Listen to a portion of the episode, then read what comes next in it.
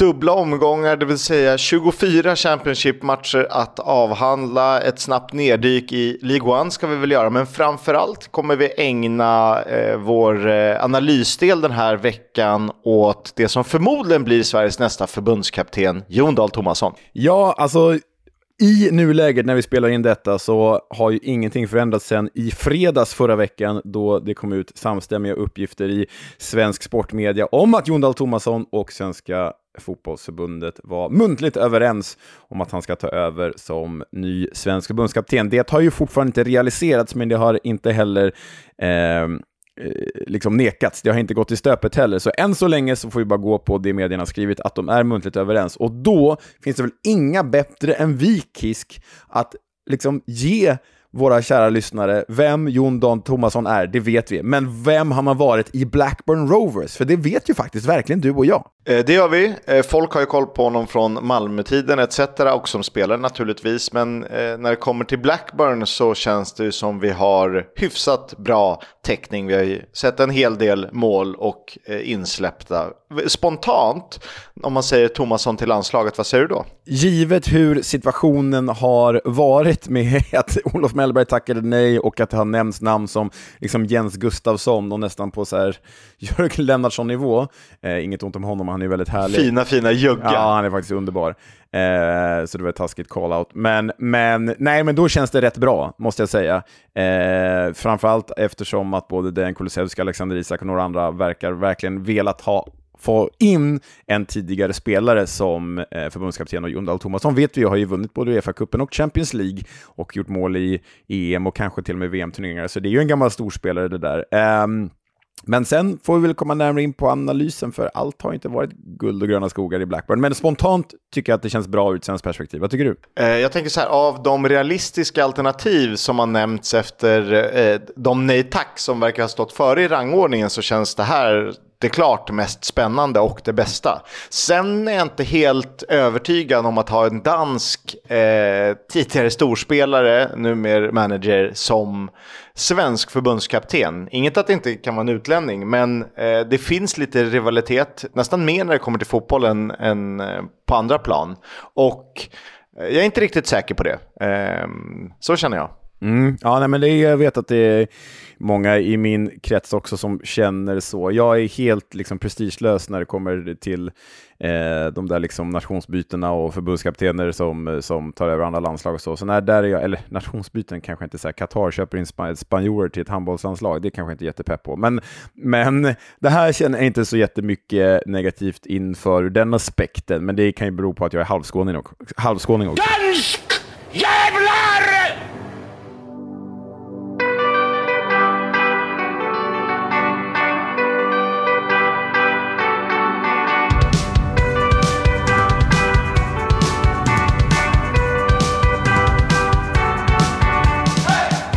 Det här är podden Footballs Coming Home. Vi pratar om det vi kallar riktig engelsk fotboll eh, med fokus på Championship, eh, ibland även League 1 och League 2. Oskar Kisk heter jag och eh, har som vanligt vid min sida bundsförvanten borta i kranskommunen. Ja, eh, Leonard Jägerskiöld Welander, ständigt närvarande trots att IK Frej inte är det längre på samma sätt som förut. Det är nästan MK Dons känsla där ute, om jag får vara ärlig. ja, det var det ett tag i alla fall, mm. när Bayern skulle kladda på dem. Mm, exakt.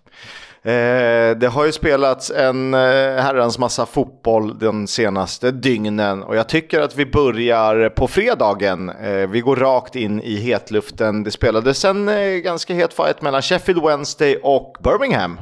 Ja, det här var ju en fight, fight som jag inledde helgen med där på fredagskvällen. På Hillsborough. Jag såg den hemma från tv-soffan förstås. Jag var ju tyvärr inte på Hillsborough. Och eh, lika taggad som jag var inför, lika desillusionerad var jag efteråt, för det här var en riktig jädra skitmatch, Kisk. Den var så sjukt dålig. Och ändå sitter man och tuggar, sitter där och tuggar igenom sig den och tycker att det är rätt trevligt med lite popcorn och en ginger beer eller vad jag nu drack. Alltså, Eh, det blev 2-0 eh, till Sheffield Wednesday mot Birmingham. Ike Ugbo, nyförvärvet som eh, inte lyckades särskilt bra i Cardiff, som nu lånas in från Troyes. det blir en omedelbar succé, dubbelmålskytt. Ja, eh, och som grädde på moset, det andra målet är ett fin, fint förarbete av Ian Poveda som vi gillar. Eh, också Mowbray-favorit. Eh, han hade ju honom, lånade in honom till Blackburn. Ville värva honom till Birmingham nu i januari, lyckades inte. Och så går han och gör en assist mot Mowbray i Birmingham. Så att släkten är värst. Mm, släkten är värst, den gamla slitna klyschan. Det ska ju sägas att det känns ju liksom rätt stabilt med, med 2-0 för Sheffield Wednesday dig, men Birmingham, sett till statistiken hade de 25 avslut, men det kändes aldrig som att de hade 25 avslut. Man såg de här avsluten och skotten, men det kändes aldrig farligt. Förstår du vad jag menar? Så här. Ja, det är klassiska Juninho-Bakuna-avslut. Du vet, ett av 30 går faktiskt mot mål. Och då är, det, då är det jättesnyggt i krysset. Och så spelar de med Scott Hogan på topp och man vet att så här, Jordan Hugel i Rotherham är mer målfarlig än vad du är. Det här kan inte, kan inte bli mål liksom. Det går inte. Vad ni, vad ni än gör, vad ni än hittar på Birmingham, det kommer inte bli mål idag. Ja, uh, jag lider med Birmingham. Det är liksom, det är samma repiga skiva, år, säsong efter säsong. Och man vill ju någonstans att det ska lyfta för att det är eh, en vilande storklubb för nivån. Jag tror att jag säger det varje gång. Men det är fortfarande så här, okej, okay, ska vi spela med Scott Hogan eller ska vi ha Lukas Jutkiewicz? Och det är fullgoda anfallare, eller kanske ska jag säga var fullgoda anfallare för ett gäng säsonger sedan. För ambitionsnivån rimmar inte riktigt med, med hur det ser ut, tycker jag. Eller hur ambitionsnivån borde vara i alla fall. Nej, men båda de två du nämner, det är ju liksom Championship-svar på Jonathan Walters, om ni kommer ihåg honom från Premier League-tiden i Stoke. Kämpar, sliter, rätt härlig i sin, liksom, sin spelstil, men målfarlig? Nej, allt annat än liksom. Eh, den som var målfarlig i den här matchen, Ike Ogbo, verkar vara precis den goalgetter Wednesday faktiskt har saknat. För det är väl ingen som har gjort mer än tre fyra mål. Eh, och det kan vara väldigt, väldigt viktigt i en bottenstrid att eh, åtminstone kunna lita på, på, en, eh, på en nia. Ja, och sen vikten av den här segern också att liksom Birmingham av de lagen som ligger ovanför strecket. Att liksom Sheffield Wednesday tar tre poäng för att liksom närma sig eh, det där förhatliga strecket och ändå håller kvar Birmingham i liksom sanken. Att säga nej, nej. härifrån kommer det inte. Eh, det är naturligtvis viktigt. Vi går vidare till lördagen och eh, Ipswich West Brom slutade ju 2-2. Det gjorde den, eh, och det var ju faktiskt en sen kvittering från hemmalaget Ipswich som räddade poäng åt The Tractor Boys. Omari, Hutch Omari Hutchinson, som du pratade upp inför säsongen, med den ack så viktiga kvitteringen. Då hade ju faktiskt West Brom lätt med både 1-0 och 2-1 dessförinnan. Mm. Eh, den här eh, matchen innebar att det var Alltså de har bara tagit en seger på de nio senaste ligaspelet Ipsic. Ipswich och överlag i den här matchen, den kännetecknades av någon slags europeiska mästerskapen i tafatt försvarsspel. Det gäller båda lagen, jag tycker att det såg rätt beige ut på målen.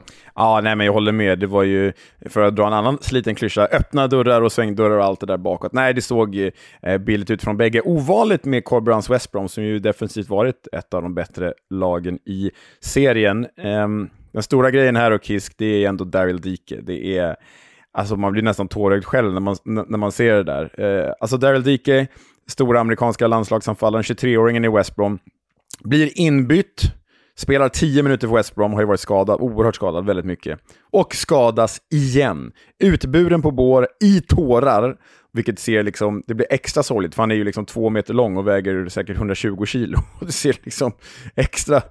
Det är som den här The Green Mile, kommer du ihåg den filmen Kisk? Ja, ja. han som inte passar karaktären egentligen. Ja, nej, men precis. Gigantisk men så här, känslosam och tårögd. Nej, det var... Nej, jag blev nästan tårögd där också när han satt och grät. Alltså, och Daryl Dickey då, som ju var en succé för, vad är det, två år sedan i Barnsley. Eh, för drygt två år sedan, för tre år sedan i Barnsley. Han har ju nu varit skadad för ett par dagar sedan, jag har inte orkat räkna om det till, till den här inspelningen, men för ett par dagar sedan har han varit skadad i 414 dagar av de 770 han tillbringat i West Brom. Ja, det, det är ju... Ja, det är tråkigt. Det är tråkigt, för att det är en spelare, det är en X-faktor för West Brom. Nu tror jag ju att de löser det ändå, givet hur bra det har sett ut överlag, men eh, det är naturligtvis jättetråkigt. Eh, han skadade sig i en match där eh, Ipswich Town faktiskt får kallas det bättre laget. Blackburn eh, besegrade Stoke, men det visste ni eftersom ni lyssnade på mitt tips eh, förra veckan. Spika ettan här. Eh, vad tar vi med oss? 3-1? 3-1 ja, och jag gjorde faktiskt som du sa, ska ju villigt erkännas. Eh, Sami Smodic, skyttekungen, målar igen. Tyrus Dolan tvåmålsskytt för Blackburn. Och detta framför ögonen på deras nytillträdda manager John Justus som såg matchen från läktaren. Han hade liksom inte tagit över laget än. Mer om John Justus till eh, utnämning då i, i eh, nyhetssegmentet. Eh, Nile Ennis gjorde mål mot sin gamla arbetsgivare, blev ju tröstmålet för Stoke i en match där också DJ Daniel Johnson missade en straff, eller Ensley Pierce räddade en straff. Det stärker väl inte Wahlstedts aktier, men eh, så är läget. Eh, inte så poppis i Stoke-lägret. Eller så här, Stoke är inte eh, populär bland sina supportrar, spelarna i alla fall. Nej, det var ju tillresta Stoke-supportrar som alltså buade ut eh, eh, Stoke-spelarna när de kom och applåderade fansen efter matchen. Så nej, det är ju kämpigt. Stoke har ju nu då två segrar på de 18 senaste matcherna. Det har ju inte gått bättre med Steven Schumacher. Nej, och det är ju något eh, kapitalfel. Eh, man får bara dra upp, eh, dra upp eh, ogräset med rötterna tror jag. Men du, innan vi hoppar vidare från den här matchen, vad kände du när Pierce tog den här straffen? Man blir ju liksom ledsen för Wahlstedts skull. Bara, vad fan? Ja, alltså så här, Ainsley Pierce är en duglig målvakt, men jag tycker Wahlstedt har mycket högre höjd. Jag, vi pratade om varför bytet gjordes. Jag tror bara mest det var för att få en effekt. Men jag tror det blir väldigt svårt att byta tillbaka om inte Blackburn gör någon så här kapitaldålig insats där Pierce kan lastas för målen. Eh, sen vet jag inte hur det funkar, om de är, polare likt handbollsmålvakter. Eh, och rätt ofta bland fotbollsmålvakter också känns det som man nu för tiden är kompisar snarare än konkurrenter, att man blir så tajta med varandra. Mm, de är inte Lehmann och kan liksom. Nej, inte, inte den gamla duellen. Det pratade Victor Johansson också om med, eh, kring eh, Josh Vickers. Mm. Att de hjälpte varandra väldigt mycket snarare än att liksom brydde sig om vem som faktiskt stod. Exakt. Cardiff Preston North End slutade 0-2 segerorganisatör i den här matchen var Mads Frökjär Jensen med dubbla framspelningar för Pini. Ja, och jag har liksom Näst, jag hade nästan glömt, glömt bort Mats Frökjär Jensen, eh, som ju kom till Preston North End i somras. Va? Men jag hade framför allt glömt bort Emil Ries Jakobsen som gör det första målet. Alltså, det känns som att han inte har medverkat en enda minut den här säsongen, Kisk. Ja, men han har ju varit skadad ganska länge. Eh, så det här var ju första målet sedan oktober 2022. Nu ja. kommer jag inte ihåg exakt datum, men han har väl fått väldigt begränsat med speltid givet skadorna. Eh, Mats Frökjärs andra framspelning är ju toppklass. Ja, till Ben Whiteman, ja. Äh, det är, det är faktiskt riktigt, riktigt klass. Men du, om de kan få igång Emil Ries Jakobsen, alltså ja, vår första säsong vi gjorde här, alltså det här är vårt tredje, vår första säsong vi gjorde här, då var ju han en väldigt återkommande figur i målprotokoll och poängprotokoll och så ju. Då kändes det som de var bra när han gjorde mål, eh, att det, det behövdes. Och, men kan de få in liksom en, en snitt 10 mål per säsonggubbe i Emil Ries här under, under avslutningen så känns det som de faktiskt kan ge den där playoff, den sista playoffplatsen en rejäl push. Det börjar bli tajt men fasen de har ju skrapat ihop tillräckligt med poäng för att eh, det ska vara möjligt. Du, du vet att man så brukar prata om du vet, svenskklubbar. Hansa Rostock är en svensk klubb och Groningen är en svensk klubb och så vidare. Jag har aldrig tänkt på det, men det är klart att det också finns danskklubbar. Är Preston North End en sån? Ja, men Iversen. Eh, Exakt. Som ju var jättebra. Mm. Ries Jakobsen, Frökjär. Eh, jag kan inte komma på några fler på rak arm. Det, det känns som det saknas någon. Mm, vi får eh, gräva i det där. Men ja, liksom, det är klart man bara tänkt på svenskklubbar, men det måste ju finnas dansklubbar och norskklubbar och eh, Burundi-klubbar och... Ja, Burundi-klubbar? ja, men någon, ja, ja, ja. någon mosambikisk klubb som värvar, värvar burundiska spelare. Liksom. Ska vi, ska vi stresstesta? Ja, fr Frökär, Iversen, Anders Lindegård, gamla ja, HF, HF Legend. HF Legend. Simon Makienok. Eh, ja, den där jävla galna anfallaren. Just Pest Legend och Emil Ries. Så det är fem genom historien vad jag kan hitta. Ja, det kanske inte riktigt, det kanske inte räcker för en dansklubb. Potential att bli en dansklubb. Ja, ja, kanske. Eh, roligt för Cardiff i den här matchen var ju att Aaron Ramsey gjorde sitt första framträdande sedan september. Oj vad viktigt det kommer bli, men eh, det här var ju en match där de förlorade. Eh, de, det var tredje raka förlusten på Cardiff City Stadium. Yes. Vi har snackat upp Hall eh, som bästa transferfönstret, men hemma mot Swansea så eh, hade de inte mycket att hämta.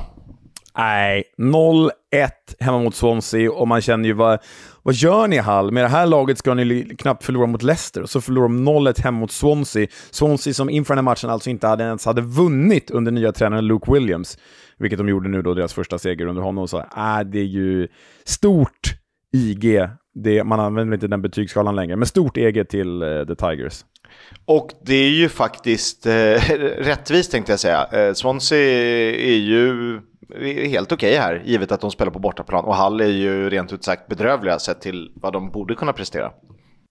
Ja, nej, men oerhört svagt av Hall. Jag förväntar, vi förväntar oss mycket mer av dem eh, framåt. Eh, jag har ju placerat dem tillsammans med Coventry på playoffplats. Det är väl en av dem, kommer väl missa det till förmån för West Bromwich Albion. Men Swansea får jag lite samma känsla med som jag har för Birmingham just nu och typ Blackburn. Att så här, de ligger där och hovrar ovanför nedflyttningsstrecket, man hinner få lite ont i magen för deras skull. Och så vinner de en match på fyra och så liksom tar de de där tre viktiga poängen som ger dem lite avstånd. Och så kommer det hända samma sak igen, att de kommer nära strecket och så vinner de en match. Och ja, Mm. Eh, viktiga poäng, även om jag inte är orolig för Swansea. Vi ska vidare till vårt resmål eh, som inte är allt för långt bort nu. Leeds eh, spelade Yorkshire Derby mot Rotherham. Eh, ah, var ingen snack om saken. Nej, 3-0. Patrick Bamford 1, Crescencio Somerville 2. Det man kanske allra mest har med sig är att Patrick Bamford gjorde en hand of God. Han slog in den här bollen med handen Mm. Eh, den uppmärksammades inte. Det var, kändes väl ganska klar va? Att den inte borde gilts. Ja, nej, sol, solklar. Alltså, jag tittar på bilden några gånger, det känns som att huvuddomaren är skymd, men alltså att linjedomaren inte tar den, för man, man ser det ju på alltså, realtidsbilderna, på målet, inte på reprisen. På målet ser man ju att han slår in den med handen. Sen tycker jag att det finns en härlig kontrast i att så här, Hand of God när det är Maradona, ja, han lever ju upp till epitetet. Patrick Bamford, jag vet inte om han lever upp till epitetet Hand of God, även om han varit formstark på sistone. Had, uh, hand of blonderad, halvduglig, ofta skadad anfallare Leeds, kan man väl säga. Exakt, precis. Men du, Leeds, de är obesegrade på hemmaplan hela säsongen. De är alltså hundraprocentiga i ligan under 2024 med eh, sex raka segrar. Det förlängdes ju i veckan. Alltså sju raka segrar, sex nollor och 17-1 i målskillnad om vi räknar, om vi smyger in veckans match. Eh, det är, de ser ju sanslöst bra ut. I en tid där vi trodde kanske att, att de får se upp för Southampton. Ja, nej, nu ger de ju verkligen eh, Southampton en rejäl match här, men du vet ju vad det här innebär, Kisk, med min tur när jag åker och tittar på fotbollsmatcher. Deras första förlust på hemmaplan den här säsongen kommer ju komma mot Leicester när vi är på plats. Ja, men vilken jävla match det kommer att bli. Nej, den kommer bli otrolig. Det är ju verkligen så här make it or break it för Leeds om de vill ha den andra platsen eller inte. Så är det. Uh, nej, det blir häftigt. Mål nummer 13 och 14 för Summerville blev det här i, i helgens omgång, alltså i en match där Victor Johansson naturligtvis vaktade målet för Rotherham som spelat 15 matcher på bortaplan och tagit fyra poäng. Och det är väl därför de är så jävla långt efter övriga.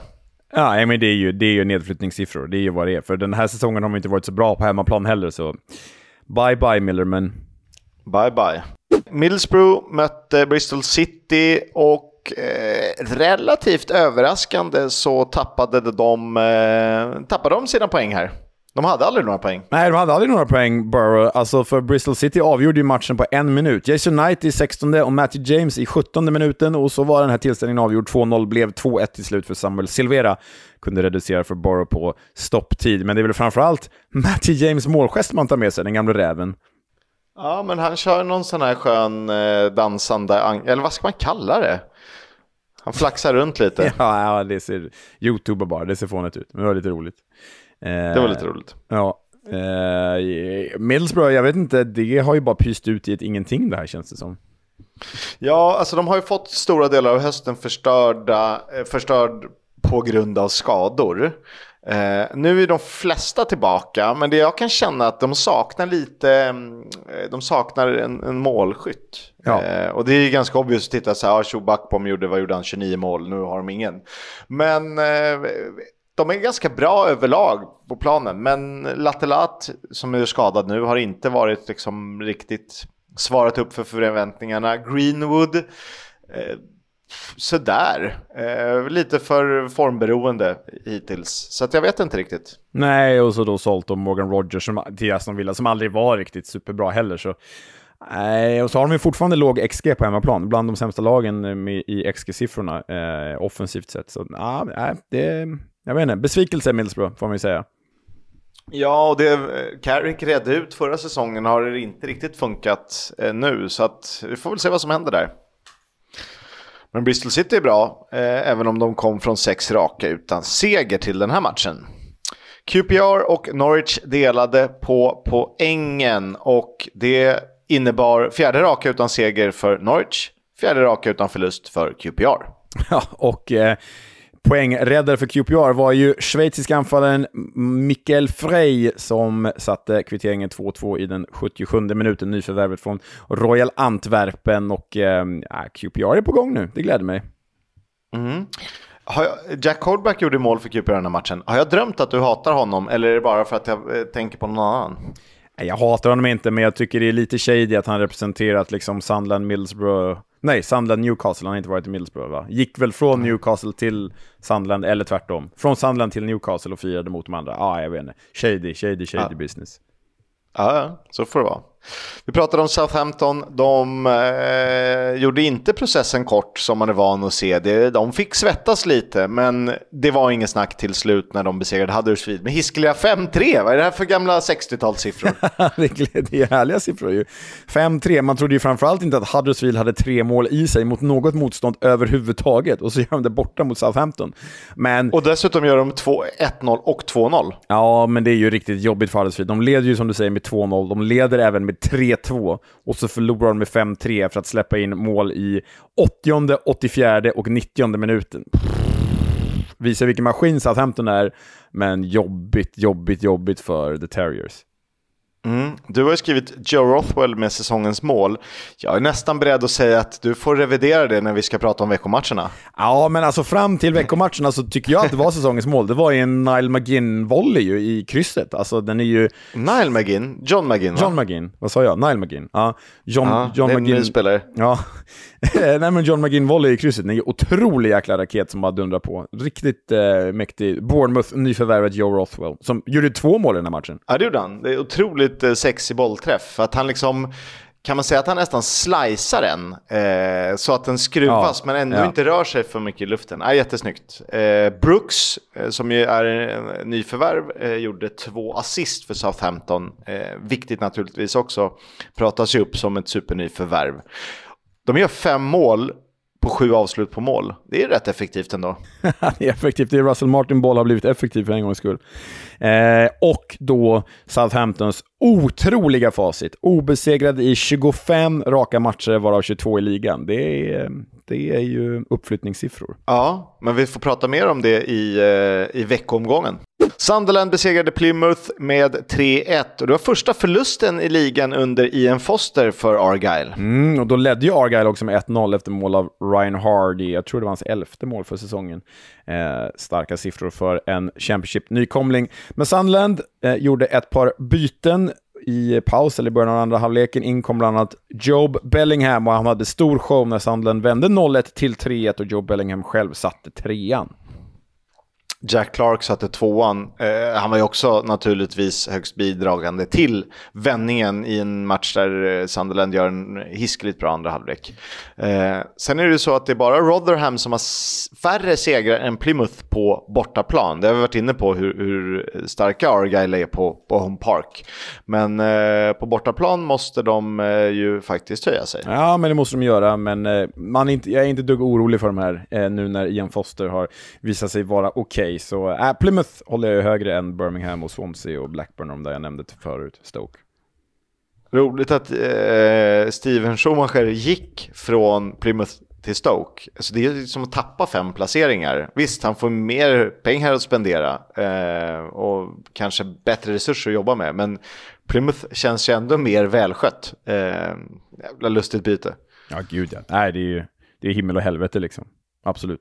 Watford-Leicester slutade 1-2, eh, trots Emanuel Dennis mål igen. Ja, hans första mål sedan återkomsten till Vicarage Road lånades ju in nu i januarifönstret. Har ju inte alls varit särskilt lyckad i Nottingham Forest, men det hjälpte ju inte för det betydde ju 1-2 och det blev ju också slutresultatet. Eh, Leicester eh, tog ju faktiskt ledningen om Patson Daka på straff och det var ju Zambiens tredje mål på de tre senaste matcherna sedan han kom tillbaka från Afrikanska mästerskapen. Mm. Roligt. Eh, Harry Winks ger ju faktiskt bort eh, det där tröstmålet, spelar ingen roll, i en match där Kansema spelade från start.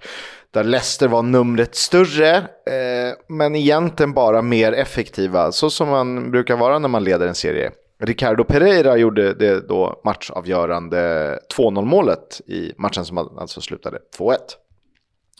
Det spelades också en match på söndagen, den spelades mellan Coventry och Millwall där gästerna tog ledningen. Gästerna tog ledningen genom Romain Essay som du varnade för, väl var det förra säsongen? Nej, det var den här säsongen som eh, joker i Millwall. Just det, så var det. Och han har ju varit lite av en joker än Jonathan Rowe i, i en billigare version kanske. Men eh, Coventry vände ju på det här. Två mål på tre minuter. Båda målen av den amerikanska landslagsmannen Hadji Wright. Hans nionde och tionde för säsongen. Men det var ju speciellt hur han tog den där straffen. Det var ändå lite roligt. Ja, för det var ju eh, Wright och Callum O'Hare som faktiskt körde sten, sax, påse om straffen. Och jag, vi måste lyssna på Mark Robbins om eh, den situationen. One with a penalty that he's he's finished himself, and I think there was a bit of rock paper scissors between him and Callum. Oh, I'm going to kill him, and then um, who was supposed to take it? I, did, I hadn't named a penalty taker, but right. Hadji took them all the time in, in Turkey, took them all the time and, and, and was really good. So I didn't have a, a, an issue with it. Right. Callum scored the last one, but uh, I think he was I think he was devastated because they were fighting. But ultimately, it's gone in the back of the net, and we don't have to worry about that. But I'll, I'll be talking to him about it. Um, but that got us back into it. Ja, eh, han, är, han kommer kanske att döda någon. Men eh, han, han har ju själv, Hadji Wright var ju tydlig med det, han har ju själv inte utsett någon straffskytt, Mark Robbins alltså. Eh, men Nej, Hadji man... Wright har varit bra och Callum O'Hare har varit bra när Hadji Wright inte har funnits på planen. Ja, men han får skylla sig själv. Jag, lite överdriven reaktion. Det är ju bara kul, det gick ju bra. Kör bara. Ja, ha kul fan. Eh, det var väl rättvist till slut, även om eh, Millwall känns bättre nu än tidigare under hösten. Men Coventry var ju bättre här. Ja, så är det. Eh, lite mer framåtlutat från Millwall. Eh, konstigt på något sätt att de är så långt ner, men det kanske börjar trilla in lite poäng när de möter lag av sämre kaliber. Eh, tuff start för Jaffet Tanganga i Lions. Eh, han orsakar ju straffen här och så släpper han Wright, tycker jag, på ett tveksamt sätt vid 2-1. Det är lustigt med en spelare som typ är eh, ja, strax under toppen i Premier League och mer eller mindre Champions League eller Europa League-nivå och håller jämna steg. Men så kommer man till botten av Championship och eh, ser inte dominant ut. Det är frågan om hans karriär bara skulle kunna försvinna i Mansfield om ett par år. Deppigt i så fall. Det kan ju vara så att han kanske behöver en, två utlåningar eller lite stabilare miljö än vad säsongens Millwall har varit. Vi, han är ju fortfarande lovande, men det har ju varit rörigt hittills, så kan vi säga. Ja, och så kanske han inte kommer till den mest trygga miljön heller. Nej, exakt. Vi har kommit till tisdagen och innan vi dyker in på matcherna så ska vi nämna att det spelades totalt 28 matcher i English Football League på tisdagen. Det gjordes 104 mål, eh, vilket är ganska mycket. Det är ett snitt på 3,71 mål per match.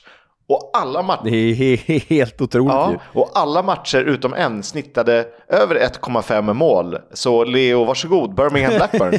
Den riktiga pissmatchen som bara innebar 1-0 då. Nej, men, eh, Birmingham Blackburn slutade lite som man kunde förvänta sig. 1-0 och målskytten för att göra det ännu mer osexigt, Andre Dossell, nyförvärvet från Queens Park Rangers. Och det är väl liksom en av seriens mest intetsägande mittfältare, så det var väl kul i Derby de la Mowbray. Ja, eller var det Derby de la Eustace? För det var ju faktiskt faktiskt så här. Birmingham vann mot nuvarande tränaren Tony Mowbrays tidigare klubb med Mowbray på läktaren, eh, PGA avstängd, i, i, en match då där tidigare Birmingham-managern John Eustace gjorde sin första match för sin nya klubb Blackburn Rovers. Mm. Glasklart eller? Nej, glas, glasklart. jäkla, jäkla lurigt allting. Synd att Eustace ändå inte fick sista ordet där. Jag är på hans sida eh, gentemot Birmingham, så får man ändå säga. Eh, nej, men det var ju lurigt och ännu mer. Det var faktiskt första hemmasegern på nästan tre månader för Birmingham. Mm. De har ju hamnat i ett vakuum sen de gjorde sig av med John Justus som då tränar Blackburn som då gästade Birmingham här. Eh, och, men det får väl ändå sägas vara rättvist oavsett om vem som är tränare och vilka intetsägande spelare som gör målen för The Blues. Leicester hade inga problem att avfärda bottenlaget Sheffield Wednesday och vi börjar bli lite trötta som det är i perioder på det här Leicester, för de är ju alldeles för bra. Ja, det blev ju 2-0 mot Sheffield Wednesday och känslan med Leicester är att de vinner alla matcher med 2-0. Nu är det ju inte så, men det är så det känns. De, de är liksom numret för stort för alla motståndare, så det blir 2-0 i alla matcher. Ja, alltså de har ju spelat 32 matcher och gjort 68 mål, så det, det, snitttesen stämmer ju, om än lite drygt. Ja, och här var det ju då Abdul Fatawo som satte ettan, Jamie Vardy inblandad i det första målet med en snygg eh, överhoppning. Och så var det Jamie Vardy själv som satte 2-0 i 36 minuten mot sin barndomsklubb. Det var ju Sheffield Wednesday som släppte Vardy när han var ung för att han var citat för liten. Mm. Sen via Fleetwood och allt möjligt till eh, Leicester då. Eh, 14 poäng skiljer från eh, serieledande Leicester ner till Southampton. Då ska det i och för sig tilläggas att Southampton och även fyran Ipswich har en match mindre spelad. Så är det. Um, Kieran Dewsbury Hall, KDH, dubbla framspelningar, leder assistligan med 12. Det är jäkla bra papper faktiskt. Alltså skulle han skada sig och missa resten av säsongen skulle jag nog ändå peka på honom som säsongens spelare. Ja, jag instämmer. Absolut. Eh, och 2-0 målet är faktiskt jäkligt snyggt. Det är fotbollsporr har jag skrivit och jag kommer inte ändra det. Nej, det är för sent nu. Om man ville se mål, eh, det var min plan från början, då skulle man se Norwich mot Watford, för den eh, bjöd på sex fullträffar. Ja, och eh, det var ju jäkligt roligt, för det var ju faktiskt Norwich som tog ledningen med 1 och 2-0. Sen kunde Watford kvittera 1-2 och 2-2. Och sen var det dags för Norwich att göra mål igen. Då gjorde de 3-2 och 4-2, så det var en hejdundrande fight. Och alltid när Norwich gör mycket mål, då brukar det vara Christian Fastnacht som liksom sätter trean, fyran eller femman. Han har fått den rollen i, i Norwich, känns det som. Ja, han dyker upp där eh, på ett eller annat sätt.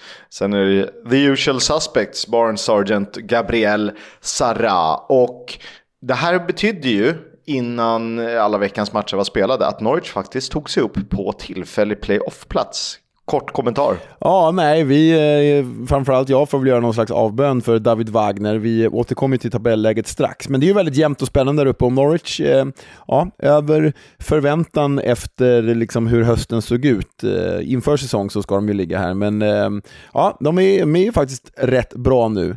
I Watford-lägret startade ju Ken Sema och spelade faktiskt fram till deras reducering 1-2 Mileta Rajovic. Mm, liten allsvensk Eh, kombination där. Eh, jävligt roligt den här playoff-striden. Den kan bli, den kan bli ruggig eh, framåt mm. vårkanten. Mm, verkligen.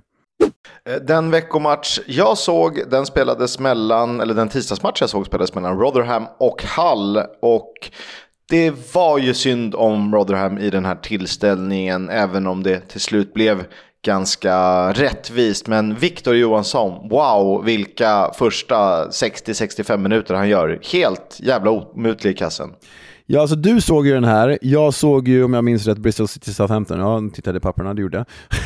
och så fick, skrev vi lite till varandra och eh, när Jadon Philogene Bides eh, kvittering satt 1-1, då skrev ju du till mig att det var liksom ett av årets mål och jag tänkte så här, jo, jo, absolut. Men eh, sen eh, såg man det där målet och kände, ja, fan, det är ju typ säsongens mål. Det är helt otroligt kiss den där kvitteringen. Ja, det är fruktansvärt. Alltså, och det är hela momentet. Eh, nu kommer jag inte ihåg vem det är han lurar skjortan av, för att han går ju liksom ut ur situationen först. Eh, och sen med en läcker tunnel. Och sen driver han tillbaka bollen och sen som tredje steg så gör han en Rabona-chip. Som, det är Olly Rathbone som åker på den lilla tunneln tror jag. Det som är lite tråkigt är ju, att det är ju ett självmål.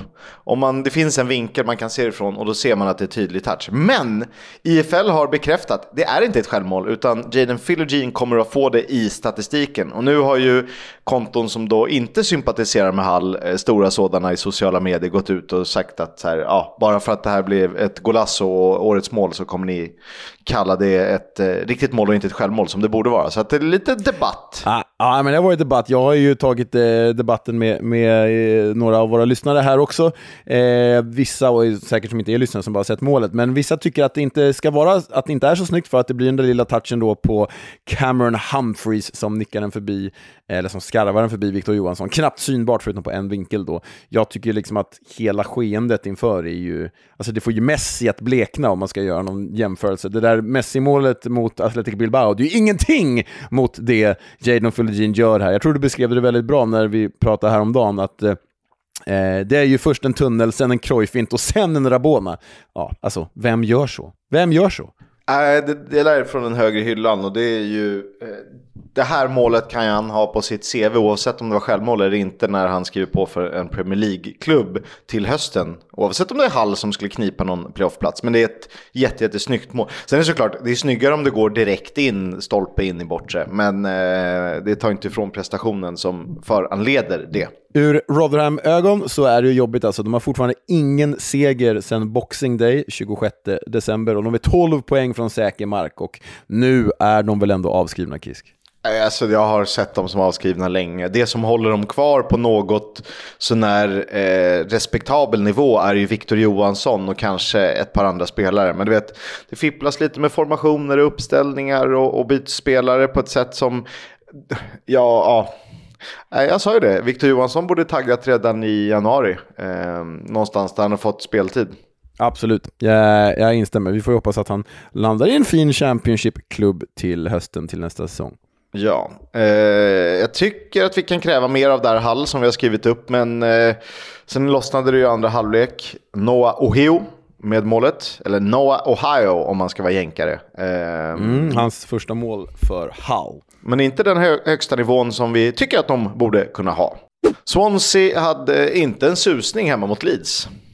Nej, och här pratar vi högsta nivå. Leeds borta slår alltså Swansea med 4-0, sprider ut målskyttet på tre spelare. Christiancio Somerville 1, Joel Pirou 1, Villignonto 2 och Leeds ledde ju alltså med 2-0 efter 10 minuter. Och Pirou har inte startat så mycket på sistone, nu fick han ju starta mot sin gamla klubb och då gjorde han ju förstås mål. Släkten är värst och allt det där. Och Villenjonto, två alltså, vilket betyder fyra på de fyra senaste. Dessutom spelade han fram till ett mål, så tre poäng från den italienske landslagsmannen när Leeds då tog över andra platsen från Southampton givet tisdagens alla resultat. Ja, och liksom den här bredden som Leeds har då. Vinner med 4-0 bort mot Swansea med liksom Daniel James och Patrick Bamford på bänken. Det är, äh, det är otroligt och återigen höll de nollan då.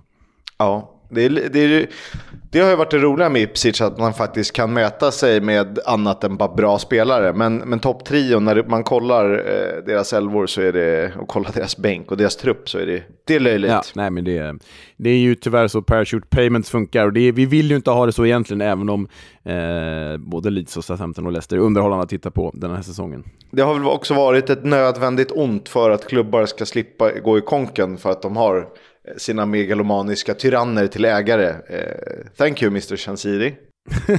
Exakt. På tal om Southampton, efter 25 raka matcher utan förlust så blev det tyvärr för mycket att åka till Bristol och Ashton Gate av alla ställen. Den du Wernbloom! Ja, den du Wernbloom. Eh, nästa vecka får vi ju tid att elaborera med dig kring Bristol City och ditt Bristol City-hat. Fy, fy, fasiken. Nej, Bristol City är ju supersköna, det var de framförallt i den här matchen. Jag såg hela första halvlek var ganska jämn. Andra halvlek, det var ju bara Bristol City. De var så snuskigt bra i den andra halvleken. Visst att Southampton hade ett läge vid, vid eh, underläge 0-1 när Joe Rothwell gled rätt in i stolpen och typ spräckte 18 revben såg det ut som. Han har väl inte ens 18 revben, men det såg ut som det. Eh, men det ja. spelar ingen roll, för Bristol City satte ju ettan genom Sam Bell, tvåan genom Rob Dickey och trean genom Harry Cornick, hans blott andra mål för säsongen. The Jack Grealish of EFL får vi väl ändå kalla honom. Mm, ja, men det, det, kan vi köra. Han, han, det kan vi köra på. Han eh, eh firade med en gråtgest mot bortafansen. Det är lite så här eh, härlig, töntig banter, det uppskattar jag ändå. Eh, sen drog han ju dock på sig straffen som Adam Armstrong kunde reducera till 1-3 på. Anis Mehmeti, eh, segerorganisatör eller eh, showmaker i den här matchen. Ah, han var grym. Han var ju så bra i den här matchen som det skrevs om honom när han kom från Wickham förra säsongen. Eh, nej, han var otrolig ute på sin kant och liksom skojade med Southampton-försvaret. Framförallt med vad heter han, Ryan, eh, Ryan Manning, eh, Southamptons vänsterback, eh, som ju liksom har blivit Southamptons mest anonyma spelare, från att vara seriens bästa ytterback till att bli Southamptons mest anonyma spelare, det är ju det är märkligt. Ja, alltså man, man har typ inte märkt honom i det här Southampton. När han i Swansea stack ut som ja, ligans bästa vänsterback, obviously förra säsongen eftersom han tog plats i säsongens lag. Mm, ja, nej, det är ett eh, fall där på honom. Ur Bristol City synpunkt gjorde ju Jason eh, Knight, eh, han gjorde ju inte mål, men han var inblandad i mål här, spelade fram, gjorde ju mål i förra matchen. Jason Knight har ju varit väldigt nyttig för Bristol City sedan han eh, kom till klubben. Eh, nej, imponerande Bristol City. Lite, lite, lite av en outsider, även om de är en bit från playoffplatserna. Ja, det är väl lite för långt och jag ser några andra kandidater som lite för starka. Eh, men eh, nu har de besegrat Middlesbrough och Southampton på de två senaste. Så får vi se vad Värnbloms hatgäng har i kikan framöver. West Brom Cardiff slutade 2-0 och det var dubbla nyförvärv som låg bakom den segern som innebär att West Bromwich verkligen kopplat grepp om femteplatsen. Ja, eh, nyförvärven Michael Johnston och Andreas Weimann med varsin balja och det innebar fem raka hemmasegrar för The Baggies som börjar cementera sin plats där eh, som femma. Mm.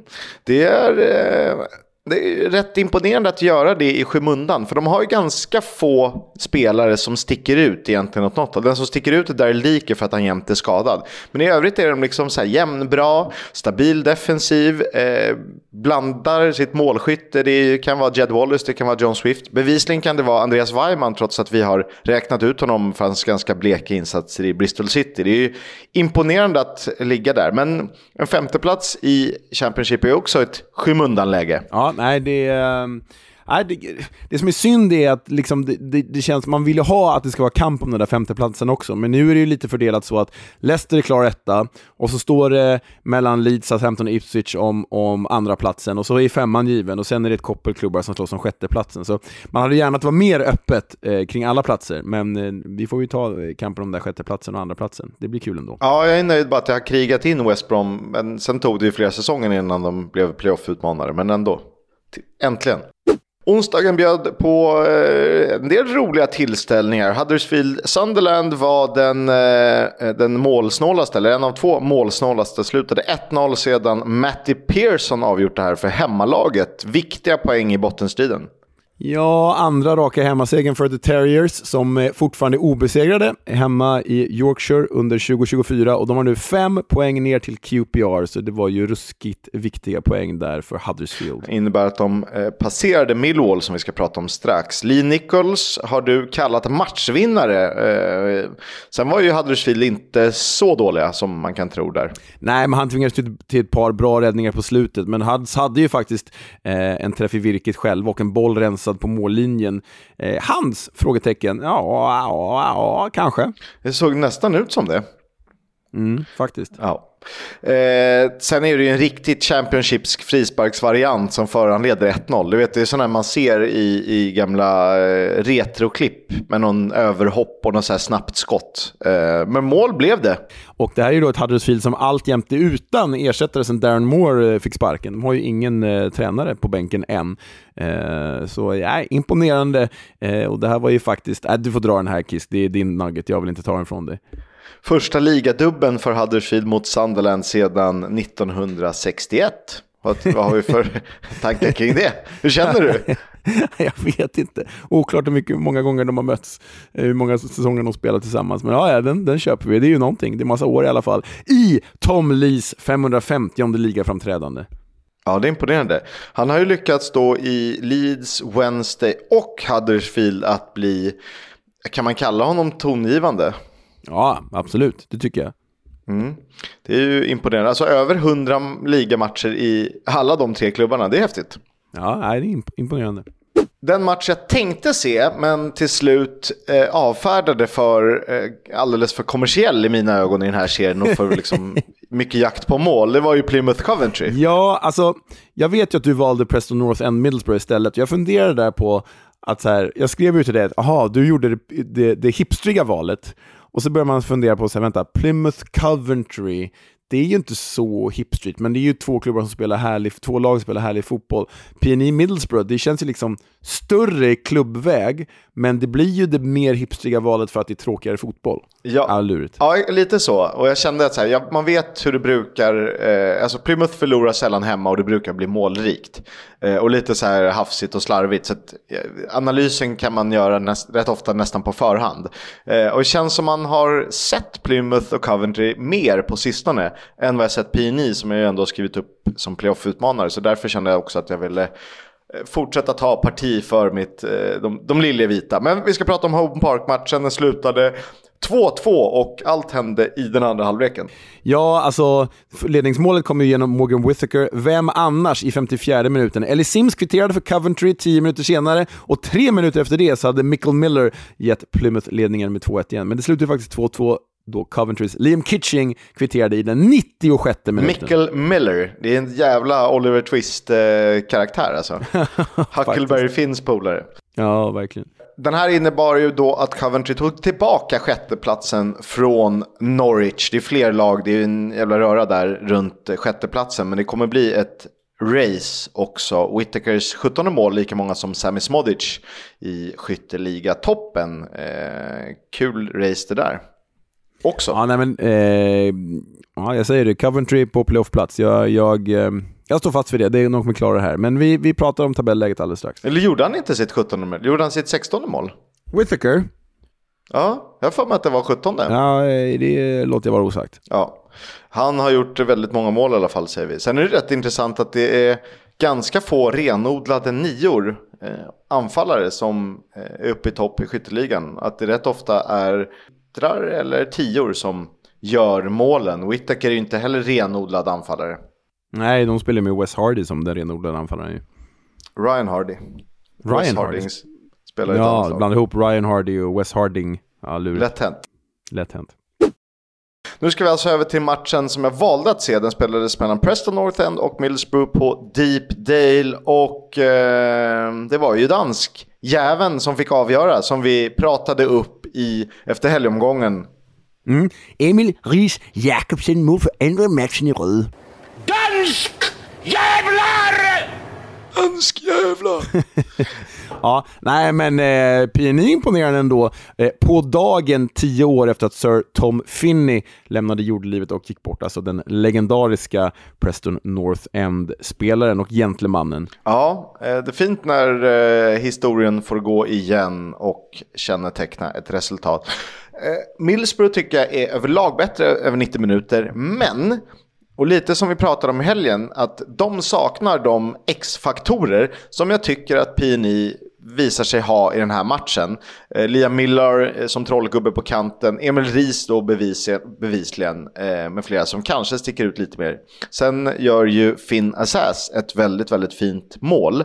Eh, och han kan väl, skulle kunna tänkas vara den spelaren, men han har ju kommit in lite sent i ett Middlesbrough som inte mått så bra, eh, som haft en del skador och därmed rotation. Så att eh, så är läget. Ja, alltså tittar man på Borough så är det ju nu fem raka utan seger för Carricks killar. Det är ju inte så bra. De har halkat ner liksom på typ elfte platsen eller något sånt där. Eh, däremot tredje raka segern för PNI. Mm. Det är riktigt roligt, vilket betyder att vi har Coventry, vi har eh, Norwich, vi har Hull, vi har Preston North End. Eh, alla de fyra på 48 poäng. Sunderland strax bakom med 47 poäng. Ska vi väl aldrig räkna bort givet kvaliteten i truppen. Nej, det är liksom fem klubbar som slåss om en plats. Det kommer bli ruskigt spännande. Okej, om du får välja en som du vill och en som du tror på av de här fem. Det, det som är så tråkigt för att göra en kort historia lång är ju att oavsett om det blir Leeds eller Southampton som tar den andra direktplatsen, jag tror inte på Ipswich i det långa loppet, så lär ju den andra av de två klubbarna faktiskt eh, vinna playoffet, skulle jag säga som högst sannolikt. Men om vi säger att det står sig som idag då, Southampton, Ipswich, West Brom och vilka jag får välja, det hade ju varit jävligt läckert om min spaning om PNI faktiskt gick i uppfyllelse. Men det tror jag inte. Jag tror att Sunderland är lite för spretiga. Eh, jag tror i slutändan att det står mellan... Jag tror att Hall tar den till slut när de börjar få ordning på sin... Eh, där. Vilka hoppas... Jag hoppas på PNI, jag tror på Hall. Vad säger du? Du säger ju Coventry. Ja, men jag eh, hoppas på Hull, jag tror på Coventry. Ja, kul. Mm. Eh, lite olika svar där. Mm. Eh, det måste det få vara. Om vi scrollar och scrollar och scrollar, ja, men då kommer vi till eh, plats 19, 20, 21, 22 de där, där vi hittar Stoke och QPR. Eh, och Stoke tog ju lika viktiga tre poäng som Huddersfield gjorde, eh, som såg dem eh, skicka ner QPR ännu längre ner i träsket, åtminstone mentalt. Ja, för matchens enda mål gjordes ju också av Wouter Berger. Berger is the answer. Eh, Stokes första seger på över en månad och nu har ju de då sex pinnar ner till strecket. Och man börjar ju bli lite svettig då för QPRs skull och även för Wednesdays skull, där är man ju redan svettig. Men eh, man vill ju att bottenstriden ska vara eh, tajtare och tätare och roligare i år än i förra året och framförallt är ju QPR alldeles för fin förening för att åka ur. Så ah, eh, trist resultat ur mina ögon måste jag säga. Som läget är nu är Rotherham mer eller mindre helt avhängda. Eh, och även om Sheffield Wednesday faktiskt har uppat sig lite under Danny Röhl så det är ju långt, de har ju sju poäng så det måste ju verkligen hända någonting de avslutande 14 omgångarna. Så då har vi ju QPR men de har också fyra poäng upp till Millwall som då Eh, hamnat där nere i träsket. Och sen har Huddersfield en poäng ovanför Millwall, Stoke och Birmingham varsin poäng. Eh, var, var drar vi gränsen? Swansea har spelat ihop 36 poäng, det skiljer ju 7 ner till understrecket. Vad, samma med Blackburn då. Vad, vad drar du strecket? Ja, ah, men jag tror, det, jag, jag, jag tror att under Birmingham drar jag strecket. Eh, Birmingham känns ändå, med Mowbray som tränare och med den trupp de har, så tror jag att eh, Birmingham och Swansea eh, får ändå ses som klara. Trots att Stoke då har samma poäng som Birmingham, så tror jag liksom att på sikt att Birmingham kommer göra bättre ifrån sig än Stoke. Så jag säger Stoke och neråt, vad säger du? Ja, men det är liksom, man skulle ju nästan kunna räkna bort Stoke också. Det det. Mm, men det gör inte jag, de känns så jävla dåliga. Ja, QPR är inte jättebra, men eh, det där är lurigt. Jag är, bara, jag är bara orolig för Millwall. Vad är planen där? Ja, nej, vi, planen. vi kan väl gå över på den matchen då, för det blev ju 0-4 hemma mot Ipswich och den här matchen såg jag både 1 och 2-0 målet innan jag var tvungen att eh, göra alla hjärtans dag-saker eh, framåt kvällen, men det var ju inget snack det lilla jag såg eh, första halvtimmen där, dryga halvtimmen där Ipswich fullkomligen mosade Millwall skulle jag säga. Ja, jag försökte se om eh, delar av den här och jag tycker ändå Millwall försöker. Och det, det är 4-4 i skott på mål, eh, vilket betyder att eh, Mattias Sarkic räddar inte ett enda av de avsluten som går på mål.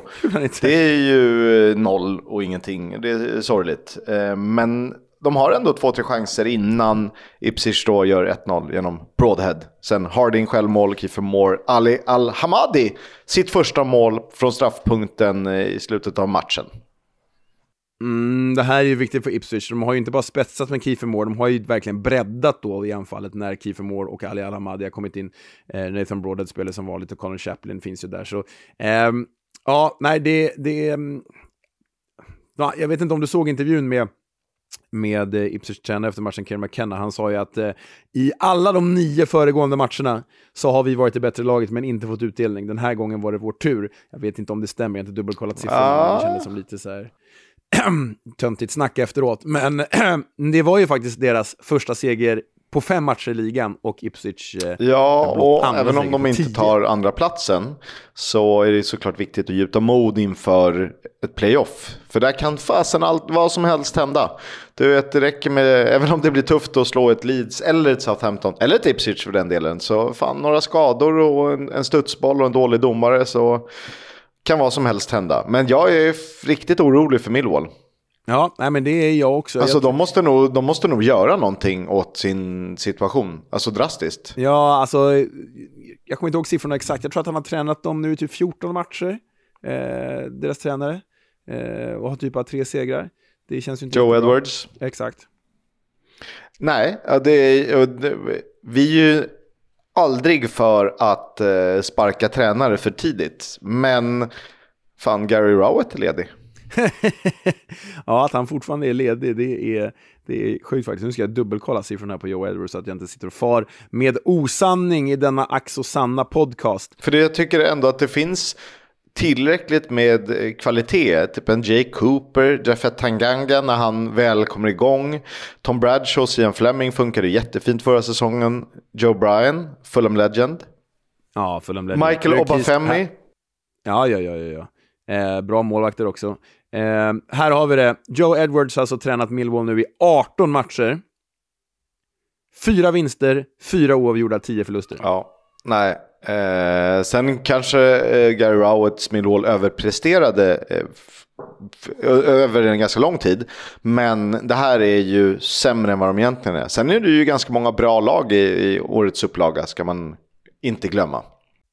Ja, nej men det här, bättre kan de. Jag tror att jag tippade dem typ så 8 eller någonting för den Nej, det var Ipswich, men typ 9 eller 10 eller sånt där. Ja. Ja, nej, eh, det är tråkigt. Man vill ju ha Millwall på eh, bättre ställe än det här. Och framför allt får de ju inte åka ur, det vore ju tråkigt. Det får de inte göra. Ett lag som åkte ur eh, förra säsongen var ju Reading Football Club. Mm.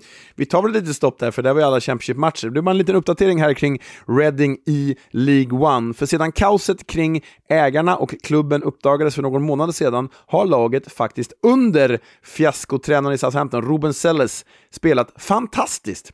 Ägarna är ju tyvärr alltjämt kvar, men Ruben Selles har alltså lett The Royals till blott en förlust på de 13 senaste matcherna med resultatraden fem vinster, sju oavgjorda, en förlust. Och räknar man då tabellen de två senaste månaderna är de femte bäst i League One. Och tabellen just nu, ja, de ligger faktiskt ovanför strecket. I slutet av november, då låg de på 23 plats, 10 poäng från säker mark. Nu ligger de på 16 plats, fyra pinnar ovanför strecket. Så Reading is alive. Det gillar vi eh, ändå. Man har ju börjat vurma för de här eh, en underdog. Sen är ju Ruben Seyes ett jävla bra namn också. Ja, så är det ju verkligen. Eh, Du, jag tänkte på en grej. Om man kollar topptrion i... Om man kollar bottentrion i Premier League förra säsongen så var det ju Leeds, Leicester och Southampton. Samtidigt gick ju Burnley, Sheffield United och Luton upp. Topptrion i Championship den här säsongen är Leicester, Leeds och Southampton. Tre av fyra bottenlag i Premier League är ju Luton, Burnley och Sheffield United. Har det någonsin hänt att lag, samma tre lag bytt plats i serierna två gånger i rad tidigare? Jag vet inte, det låter faktiskt otroligt, eh, men det här måste vi kolla upp ju. Vi kan väl fråga ni, er som är, är fotbollshistoriker och har följt med de här eh, under lång tid. Va, har det hänt tidigare att man bara har liksom switchat gånger två? Det är ju faktiskt inte bara redaktionellt tråkigt för oss eh, att jobba, behöva jobba med samma klubbar igen, även om man liksom gillar Luton. Men eh, det är ju fotbollsdystopiskt, givet hur liksom fotbollspyramiden ser ut. Så, så vi förstår ju varför det ser ut som det gör då, givet pengarna. Eh, Så är det. det. är- Det är lika tråkigt som att nu Wolves riskerar straff för Financial Fair Play. Och jag fattar, de har väl svårare kanske att eh, komma undan reglerna. Men de senaste, det har ju varit eh, Everton tvingades ju sälja Richarlison till Tottenham och Nottingham Forest Brennan Johnson till Spurs. Eh, men det är alltså de tre klubbarna som ska granskas. Medan eh, Chelsea har värvat spelare för 31 miljarder och Manchester City bara ja, senaste åren har eh, slussat ut pengar och nej, det, är, det är Ja, så mycket fuffens jag orkar inte ens gå in på det det här systemet är ju felbyggt. Financial Fair Play slår ju mot de svaga istället för att hjälpa dem. Ja, och så de rika anställer, ja, jag ska inte ta fram powerpointen som eh, i Svensson Svensson. Footballs Coming Home sponsras av Stryktipset, ett spel från Svenska Spel, Sport och Casino. För dig över 18 år, stödlinjen.se. Jag landar faktiskt i trumvirvel match 8 mellan Bristol City och Queens Park Rangers. Och jag gillar det jag har sett av Bristol City på sistone. Bara en förlust på de fem senaste, dessutom två raka segrar mot Middlesbrough och Southampton, den som bröt deras 25 matcher långa svit. De har inte alltid varit att lita på hemma på Ashton Gate, men jag tycker att här spelar även klasskillnad in. För även om Marti Cifuentes, den tidigare Hammarby-tränaren, fått ordning på QPR, de hade ju tagit åtta poäng på de fyra senaste innan veckans lilla debacle. Så har The Robins från Bristol klart mer spets. Och förresten, hej Pontus Wernbloom, du som hatar på vårt kära Bristol City. I och med veckans resultat så finns det en liten risk att hemmalaget blir alltför stor favorit. Men med typ Tottenham, Arsenal, Manchester City, Newcastle, eh, två, eh, Spurs och Newcastle dessutom på hemmaplan. Så, finns, så kommer de ju inte bli den, den, den största favoriten på helgens kupong. Så därför väljer jag att spika ettan i match 8 som min lilla sticker ut. Och Leo, vi har matcher fredag, lördag och tisdag. Ja, nej men så är det. Om vi börjar med fredagen så är det ett jäkla toppmöte. Det är West Brom mot Southampton. Vi får se om West Brom kan sätta fler käppar i hjulet för The Saints. Omgångens match, enligt mig, det är den tidiga lördagsfighten mellan Plymouth Argyle mot Leeds United. Jag är ju helt festförälskad i detta Plymouth Argyle eh, och i Morgan Whittaker. Eh, skyttekung eller ej. Så den blir riktigt rolig. Tittar vi på 16.00-matcherna så vet du Kisk att jag älskar ju bottenångest. Där har vi Millwall, Millwall mot Sheffield Wednesday. Ah, denna ack så vackra bottenångest. Samtidigt som Birmingham möter Sunderland i ett till Derby de la Mowbray. Och det uppskattar man ju. Och sen är det ett gäng eh, tisdagsmatcher som spelas på grund av hängmatcher. Fyra stycken till antalet. Mm. Roligt där eh, såklart. Ni hörde det redan i matchgenomgången, men John Eustace ersätter Jon Dahl Tomasson i Blackburn. Eh, Jon Dahl Tomasson som vi ska prata om ganska mycket lite senare i det här avsnittet. Vi gör en analys av den förmodade svenska förbundskaptenen. Och när vi pratar Eustace så det jag känner att så här, det är jättebra, men det spelar ingen roll vem de anställer så länge den inte får resurser. Och visst, det är klart att den bästa tränaren ska kunna skapa med eh, koka soppa på en spik. Men eh, satsa om ni ändå ska satsa. Ja, nu har de ju ekonomiska problem i Indien också, vilket har liksom föranlett till det här att de drog, in, drog ner budgeten inför den här säsongen. Men liksom som tränarval tycker jag John Justus är ju helt rätt. Det är ju liksom den typ av namn som Birmingham borde gått för direkt. Ja, just det, han var ju där innan de sparkade honom. Så var det. Eh, Nej, men eh, jag tycker John Justus egentligen, om jag ska vara ärlig, känns som en bättre tränare än Jon Dahl Tomasson. Eh, därmed inte sagt att John Justus ska träna svenska landslaget. Eh, eh, det verkar ju då bli Jon Dahl Tomasson som ni kan höra mer om alldeles strax här i podden. Nej, men eh, John Justus tror jag ändå på utifrån de knappa resurser han kommer få i Mm. Blackburn. Och på tal om resurser då? Ja, nej men eh, vi var ju inne på det, nu är det en vecka sedan det hände, men Blackburn trodde ju att de hade gjort klart med Duncan Maguire, anfallaren från Orlando City. Vi pratade om det förra avsnittet, de skulle få besked på torsdagen, alltså för en vecka sedan när vi pr- pratar om detta. Och de fick ju ett negativt besked, Duncan Maguire gick inte igenom till Blackburn Rovers. Nej, mörkt. Eh, jag kom över en artikel eller intervju från The Telegraph. Eh, en öppenhjärtig intervju med Russell Martin som pratar om våld i hemmet.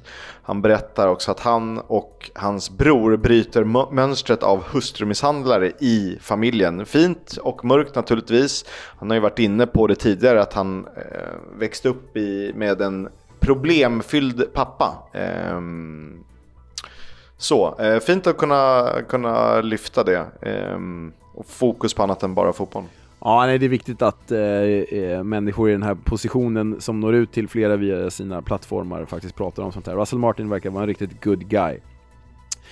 Huddersfield erbjuder den tidigare Barnsley och Swansea-tränaren Michael Duff jobbet om han kan tänka sig att bo lokalt. Det verkar han inte riktigt vara sugen på. Och vem vill bo i Huddersfield när man kan bo i the South West som Michael Duff tydligen gör? Paolo Bianco i Modena i Serie B, italienska andra divisionen, nämns också som ett alternativ.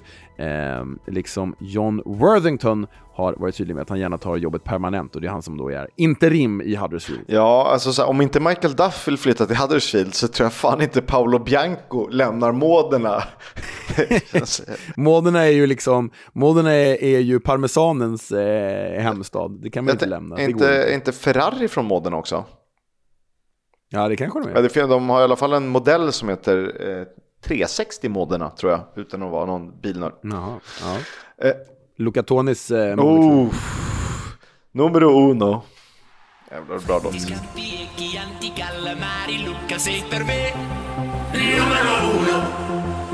Cannoloni, Luca, Toni, Pepperoni, Luca sei per me numero uno Bella donna, mamma mia, alimenti, Mozzarella, mortadella, Nutella, Luca sei per me numero uno Stand by for action. På tal om tidigare Huddersfield-tränare då. Darren Moore är klar för Port Vale. Stämmer det att han fick ett fem och ett halvt års kontrakt? Det är sanslöst bra i så fall. Ja, jag läste det. Så bra är han ju inte. League One-klubben Port Vale, va? Ja, så bra är han verkligen inte. Alltså, no offense Darren Moore, jag gillar honom men... Ja, nej, men eh, han verkar också vara en good guy för övrigt. Men fem och ett halvt års kontrakt, jag vet inte, jag tycker det ändå kan vara härligt att liksom Port Vale, de tycker väl att de punch above their weight här när de lyckas dra ett sånt namn till sig. Eh, och fan, tro på långsiktighet, det är bra. Kom igen Port Vale, heja up the Stokies eller vad fan det kallas. De har ju väldigt många matcher postponed, Port Vale. Eh, så att de är ju tre matcher, de har tre matcher mindre spelade än Charlton. Men de ligger ju faktiskt under strecket i League One. Så att en potentiell League 2-klubb han, han arbetar med här. Vi får se vad han kan. Han känns lite för mycket gamla skolan i en modern fotbollsmodell. Ja. Alltså eh, skrik och, och sparka spring. Eh, men samtidigt känns han som en genuint eh, god kille. Så att jag kan inte tycka illa om honom. Wickham har tillfälligt döpt om Adams Park till Adams Park till minne av juniorspelaren Adam Ankers som omkom blott 17 år gammal under en match här förleden. Tragiskt fint, eh, men enkelt tycker jag. Ska försöka ge oss på en analys givet att vi faktiskt är några av dem med bäst koll på eh, Championship i det här landet och som har följt Jon Dahl Tomasson som alltså ryktas vara, eh, bli nästa svenska förbundskapten, Leo. Ja, och eh, han har ju då drygt en och en halv säsong under bältet, 90 matcher som Blackburn Rovers-tränare. Och jag tänker att vi går igenom det dels i stora drag, hur det har sett ut, men sen också lite mer detalj säsong för säsong. Och om vi börjar med vilken uppställning han föredrar, så har de flesta matcherna, enligt Transfermarkt och enligt WhoScored, har han ställt upp med Blackburn i en 4-2-3-1-uppställning, där det varit en hel del rotation på spelare, givet att de har sålt spelare, givet skador eh, och sådär. Det man också kan ta med sig från det är att jag pratade med min kära kollega Ola Lidmark Eriksson, Fantomen, eh, fotbollsanalytiker, eh, har ju Fotbollslabbet på TV4. Och han hade grävt ner sig lite i Jon Dahl Tomassons siffror och såg att Blackburn den här säsongen är det lag som spelar sjätte flest kortpassningar i hela The Championship. Så det är ju alltså ett, en 4-2-3-1-uppställning med kortpassningsspel eh, som han gillar att utgå ifrån i alla fall. Mm. Eh, vi har ju pratat om Adam Wharton som en supertalang. Eh, han gick ju från Blackburn Rovers till Crystal Palace. Vi har ju pratat med Leopold Wahlstedt tidigare under säsongen som flyttade. Han handplockades ju av Jon Dahl Tomasson. Och det är ju mycket snack om att eh, spela, eh, spela eh, bollen bakifrån. jag vet inte hur jag ska beskriva det bättre just nu. Ehm, men bollen ska vara på backen hela tiden och eh, sätta igång spelet fort. Eh, inget tal om att skicka någon långpuka eller Gareth Ainsworth upp på någon stånk som bara härjar. Utan tydlig, tydlig spelfilosofi med bollen på backen. Exakt så, bollen på backen. Även ganska framtunga ytterbackar, där han framförallt använder sig av Joe Rankin Costello i en liksom offensivt framstörtande position på högerkanten. Det har kanske dock mer att göra med Joe Rankin Costellos offensiva egenskaper än själva spelsystemet. Um... Förstå när vi, när vi jagar kvitteringsmål borta mot Estland och han skickar upp Emil Kraft som tia. Precis, för det har han ju faktiskt gjort. Han har ju kört Joe Rankin Costello som tia i ett par matcher, ska man ha med sig också, men där har nog varken Emil Holm eller Emil Kraft något att hämta i den svenska landslagspositionen. Men just nummer 10-rollen tycker jag är intressant, för det är ju inte så att det är en striker som har varit eh, eh den bästa målskytten i Jon Dahl Tomassons Blackburn, utan det är ju Sami Smodic som har en ja men typ nummer 10-roll, får vi väl kalla det, även om man utgår från en kant ibland också. Jag, i brist på annat så skulle jag vilja likna den rollen vid Julio Baptista när han slog igenom i Sevilla. Att man liksom använde Eh, I det här fallet då Gallagher på topp som en liksom focal point eller targetspelare som sen förser Sami Smodic med, med andra bollen eller med liksom the layback för att göra mål. Ja, eh, jag skulle säga Emil Forsberg för 4-5 år sedan hade kunnat vara perfekt där. Ja. Eh, jag skulle även, eh, alltså Jesper Karlsson om han liksom träffade ordentligt rätt i landslaget. Nu har han haft eh, andra spelare före sig i rangordningen. Men det är två spelare jag ser skulle kunna funka där, ehm, som läget är nu i alla fall. Ja, kanske till och med att Dejan Kulusevski skulle kunna kliva in i en sån central roll. Ja, det skulle han. Han har, ju, han har ju använts lite som tia i Tottenham eh, med Brennan Johnson på, på, den, på högerkanten. Ja, med liksom eh, flank, bakom Gyökeres så flankerar typ Isak och Jesper Karlsson. Jag vet inte. Eller Anthony Langa. Eh, men om vi då ska titta på hur respektive säsong har gått, så börjar vi med förra säsongen då, eh, 2022-2023. Då slutade alltså Blackburn på sjunde plats i The Championship. De missade alltså playoff på målskillnad. I sista ju... omgången i sista omgången, trots att de vann sin match då i sista omgången också. Eh, detta var ju oerhört imponerande bedrift, då Blackburn ju inte ens var tippade för övre halvan, och de hade näst yngst trupp i hela serien, 24,3 år i snitt. Eh, bara Sandland var yngre, och det tänker man ju borde passa bra för den svenska generationsväxlingen, där vi ska fokusera på spelare som Kulusevski, Isak, Gyökeres, Jesper Karlsson, Elanga och så vidare. Jag tycker vi, vi har en väldigt fin det tycker jag är ett litet, alltså inte ett litet misslyckande, ett stort misslyckande. Vi har en fin ung generation som liksom precis har börjat träffa perfekt ålder. Gyökeres, Isak, eh, Kulusevski för att nämna några. Sen har vi liksom Hugo Larsson och så ytterligare något år bort Lukas Bergvall etc. etc. Plus ganska eh, trevliga backar, Isak Hien, Hjalmar Ekdal för att nämna några. Eh, så att eh, jag tror väl att det kan tala för att Thomasson kommer funka i och med att han har arbetat bra med eh, unga spelare. Ja, jag har verkligen släppt fram flera stycken i, i Blackburn från deras eh, ja, erkända akademi. Sen var det ju den liksom snudd på playoff-placeringen också imponerande då budgeten, Blackburns budget förra säsongen var sjätte lägst i hela The Championship. Alltså han har ju verkligen träff, träffade verkligen plankan då förra säsongen och överpresterade egentligen, i alla fall sett till resultaten. Ja, han hade ju, förra säsongen hade han ju också en Ben Burton Diaz i, i ruskigt bra form. Eh, sin sista säsong i Blackburn Rovers, som var gjorde han då 14 mål. Och var väl åtta mål sämre än säsongen innan, men det var ju en, en rejäl X-faktor att ha. Och tittar man på föregående säsongs XG-tabell så slutade alltså Blackburn på 18 plats med 1,13 XG. De förväntades alltså göra 1,13 mål per match. Och det är ju snudd på nedflyttningssiffror, alltså 18 plats av 24 möjliga. Och läser man XGA-tabellen från förra året, alltså förväntade mål mot Blackburn, så var de sämst i hela serien. 1,70 i XGA, alltså i förväntat mål mot dem. Det är ju inte jättehärliga underliggande siffror, Kisk. Nej, och då hade de inte heller så en eh, fiaskomatch som säsongen dessförinnan när de förlorade med typ 9-0 hemma mot Fulham. Det var inte någon sånt där sjuk, någon sjuk match. Jo, det var ju typ 1-7 eller vad fan det var tror jag. Ja, eh, så det, det, var ingen sån som förstörde målskillnad eller eh, drog ner siffrorna. Nej, det är ju Eh, och då är det frågan är vem som ska beskyllas. Är det, eh, ja, vi kan börja med ägarna är ju väldigt speciella. Eh, så man får inte, det är inte så att Jon Thomasson har klivit in och sagt att jag vill värva de här fem spelarna för eh, 20 miljoner styck. Det funkar inte så eh, under kycklingslaktarna i Venkis. Utan man får, eh, man får den trupp man får och så kan det komma in någonting. Men eh, ja, man får nog lita på att, det är, att man lyckas göra en, en pangdeal för Sami Smodic eller hitta något i akademin som ju är, är rätt skicklig på att fostra bra spelare.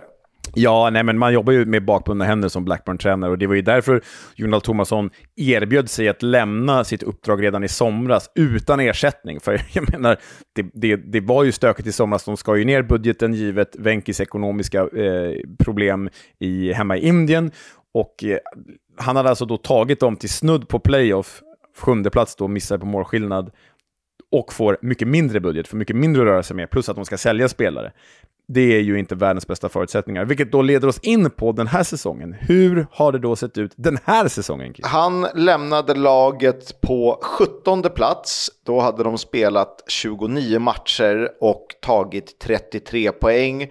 Och målskillnaden, ingen rolig historia. Eh, en jäkla massa minus. Och det är väl en rätt bra beskrivning. Det är bara ett lag som släppt in fler mål. Och det är bottenlaget Rotherham. Lite tragiskt att vår... Eh, i mitt tycke andra och tredje målvakt i landslaget Ja, de är de som har släppt in flest mål i Championship. Ja, det är, de ska inte beskyllas för det. Alltså, varken, varken Leopold Wahlstedt eller Victor Johansson. De ska inte beskyllas för det, för det är ju svängdörrar i de där försvaren. Och det är väl det jag tycker är lite... Eh, det är svårt när du in, kanske inte kan välja vilka spelare du vill ha. Försvaret har ju varit den stora akilleshälen den här säsongen. Plus att man kanske inte haft någon... De har ju haft Sami Smodic. Men de gånger han har vilat så har det ju inte gått så bra och det har varit öppna spel där bak. Ja, nej, men så är det ju. Och liksom, tittar man på den här säsongen så har vi redan nämnt Sami Smodic att eh, om, han inte, om Jon Dahl Tomasson inte hade förädlat honom till en skyttekung, för han leder ju faktiskt eh, skytteligan i The Championship från sin nummer 10-roll, så hade Blackburn kanske legat på nedflyttningsplats. För eh, de släpper ju in eh, oerhört mycket mål som du säger. De kan inte kryssa matcher. Alltså när Thomasson eh, eh lämnade, då hade de tre oavgjorda matcher på vadå, 29 stycken. Det är inte så mycket. Och eh, 9 förra säsongen av 46. Den här säsongen har de även, precis som förra säsongen, näst yngst trupp. Och de har lägre budget, därav det här bråket med ägarna. De har alltså tredje lägst budget. Förra säsongen sjätte lägst budget, nu har de tredje lägst budget. Bara Rotherham, bottenjumbon och nykomlingen Plymouth har lägre. Och Rotherham är ju liksom, eh, ja, det är en liten pytteklubb i jämförelse. Nog för att de har en schysst arena eh, och så, men det är ju, eh, Blackburn ser jag ändå som en nästan till bjässe i den här. De ska kunna mäta sig med Middlesbrough eh, på den här nivån och typ nästan Sunderland och den typen av klubbar. Och tittar man på XG-siffrorna den här säsongen så har Rovers varit, Rovers, har Rovers varit betydligt bättre eh, den här säsongen än förra säsongen. De ligger på XG, alltså förväntade mål framåt, på sjunde plats med 1,48. Det är ju eh, det är ganska bra siffror. Men tittar man på XGA, så förväntade mål mot dem, så har den förvisso förbättrats från 1,70 mål till 1,59. Men den siffran är näst sämst i hela serien den här säsongen. Bara lilla Rotherham är värre. Så defensiven har Jonal Thomasson absolut inte fått ihop under en och en halv säsongs tid i Blackburn. Nej, eh, det stämmer. Där kan man ju vrida och vända på det. Hur mycket, eh, hur mycket ska en tränare få bestämma över truppen? Eh, för han har ju verkligen inte fått någon hjälp uppifrån med värvningar eh, som önskats, eh, vad man kan förstå. Men samtidigt varit bra att jobba med eh, det som finns att jobba med, fast inte just då kanske i försvarsspelet. Nej, men exakt så. Och eh, vi sa ju det, Thomasson föredrar 4-2-3-1 i Blackburn. Det är väl inte en orimlig modell att han tar med sig till det svenska landslaget. Tittar man på poängsnittet så har han i Blackburn tagit 1,51 poäng per match eh, på 90 matcher. Att jämföra med det han hade i MFF som var 1,87 på 91 matcher i MFF. Rätt eh, intressant att han har nästan exakt lika många matcher i respektive eh, klubb. Ja, faktiskt. Bara av en händelse. Och ja. baserat på det här, det precis gått igenom Kisk, känns det fortfarande lika bra som, som när vi inledde det här avsnittet? Jag, jag tycker återigen att det känns som det bästa alternativet vi har att tillgå. Vi får också lite, kan man säga, internationell prägel på landslaget, vilket jag tycker att vi ska ha, givet att det liksom inte är ett landslag eh, som är som består av 6-7 nyckelspelare från IFK Göteborg som är bra i Champions League. Eh, och vi, ja men han kan jobba med ungdomar, han kan jobba utomlands, han vet eh, deras situation. Det är liksom inte en, eh, någon som kommer från typ Sirius eller eh, Gais eller Örebro som har gjort det bra i två, tre säsonger. Utan... Men sen är det så här, försvaret talar ju emot honom. De släpper ju in för mycket mål. Eh, men det ska ju, återigen vill man ju trycka på det här att den sportsliga organisationen ovanför hans huvud är ju inte särskilt enkel i Blackburn Rovers och eh, det måste man ha med sig. Vad, vad, känner du? Nej, men eh, jag tycker det är oroväckande med de defensiva siffrorna. Eh, speciellt då det verkar vara vårt eh, svenska landslagsproblem de kommande åren. Vi har ju liksom en, en backlinje som haft problem på, på sistone, även om det finns klart kompetenta spelare där i med de vi har nämnt. Ehm, men vi har liksom ingen klassisk defensiv mittfältare i Tobias Linderoth-rollen, vilket också kommer vara problematiskt. Så att då sätta dit en tränare som inte verkar kunna hantera den defensiva strukturen på bästa möjliga sätt kan ju vara problematiskt. Å andra sidan är han ju en tränare med den internationella erfarenheten som du är inne på, som är van vid att jobba med unga spelare, som dessutom gillar att trycka fram laget offensivt med kortpassningsspel. Så ja, nej, jag tycker realistiskt sett är det här det bästa alternativet vi har. Ja, för så sättet som de här, många av våra spelare är vana vid att spela i sina respektive klubbar så kommer de till ett landslag där de ska spela en annan typ av fotboll. Det blir ju lite, sen kan jag så här, ja man kan ju säga att det är bara en lek med siffror, men det vet, ska du spela 4-4-2 på Friends och skicka långbollar som Alexander Isak ska springa på, det är inte så kreativt. Nej, det är för, för spelare som faktiskt driver på eh, framåt i sina lag. Så att där kan vi hoppas på både förändring och förbättring. We'll have a chat about the fucking game. About your game, last few months, last few weeks. Fucking character. Vi har pratat om det tidigare, eh, det är värt att eh, lyfta igen. Steven Schumacher, som alltså gick från Plymouth, har ju fått en rätt tuff start på livet i Stoke City. Och här är det poddarna i Second Tier som har klippt ihop en lite rolig sekvens med eh, hans eh, känsla inför livet i Stoke City och eh, a few moments later. What sort of footballing team are you hoping to build here? I think a team that the that the fans can connect with.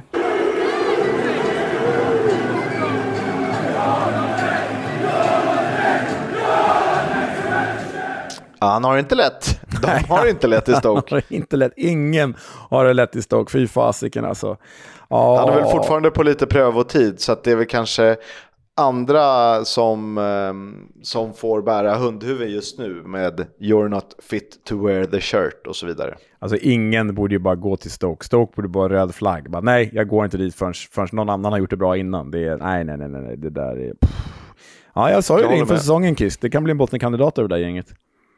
Det är det ju. Vi har faktiskt två veckans Warnock idag, för vad vore en veckans Warnock utan Neil Warnock själv? Han är ju i Aberdeen numera och i helgen så slog de ut något eh, brödgäng i den skotska kuppen, men han var inte helt nöjd med hur det såg ut. Vi kan ju lyssna hur det lät. You've never been to a cup final, I don't think, as a manager. How do you feel about the quarter final of the Scottish, which is obviously one game away from, from Hampden in the semis? Well, if we play like we did today, we'll probably get knocked out. so uh, I wasn't overly en- enamoured with our performance, but we did get through, and, and I'm, I'm hoping that we can, uh, whoever we get in the next round, we'll give them a good game. Ja, man gillar ju att han är ärlig, Kisk, det gör man. Ja, han är ju... Vi behöver mer t- den typen av kommentarer. Sen är väl känslan är väl kanske att det här är hans absolut sista tränarjobb, hur mycket han själv än vill. För eh, även om vi tycker att han skulle försökt rädda Rotherham eller kanske givit Huddersfield en hjälpande hand, så eh, nu börjar det kännas som att eh, tiden rinner ut. Ja, ja men eh, jag tror ändå på eh, Aberdeen. The Dons lyft här. Det här är ju ett The Dons i positiv bemärkelse. Eh, inte MK Dons då. Men eh, nej, vi, han lär väl återkomma mer i det här segmentet under våren. Det är jag alldeles övertygad om, vare sig han vill eller inte. Det var allt för den här veckan. Vi eh, lyfter på våra små hattar och eh, så tackar vi och så säger vi på återhörande. Ja, och nästa vecka om inget oförutsett händer så är Pontus Wernbloom med oss. Eh, det blir roligt att prata Lee Castro målfigur med honom. Ja, det är ju roligt. Vågar man hoppas på Leeds i The Club? Eh, det är målsättningen i alla fall. Drömmen. Vi hörs. Hej!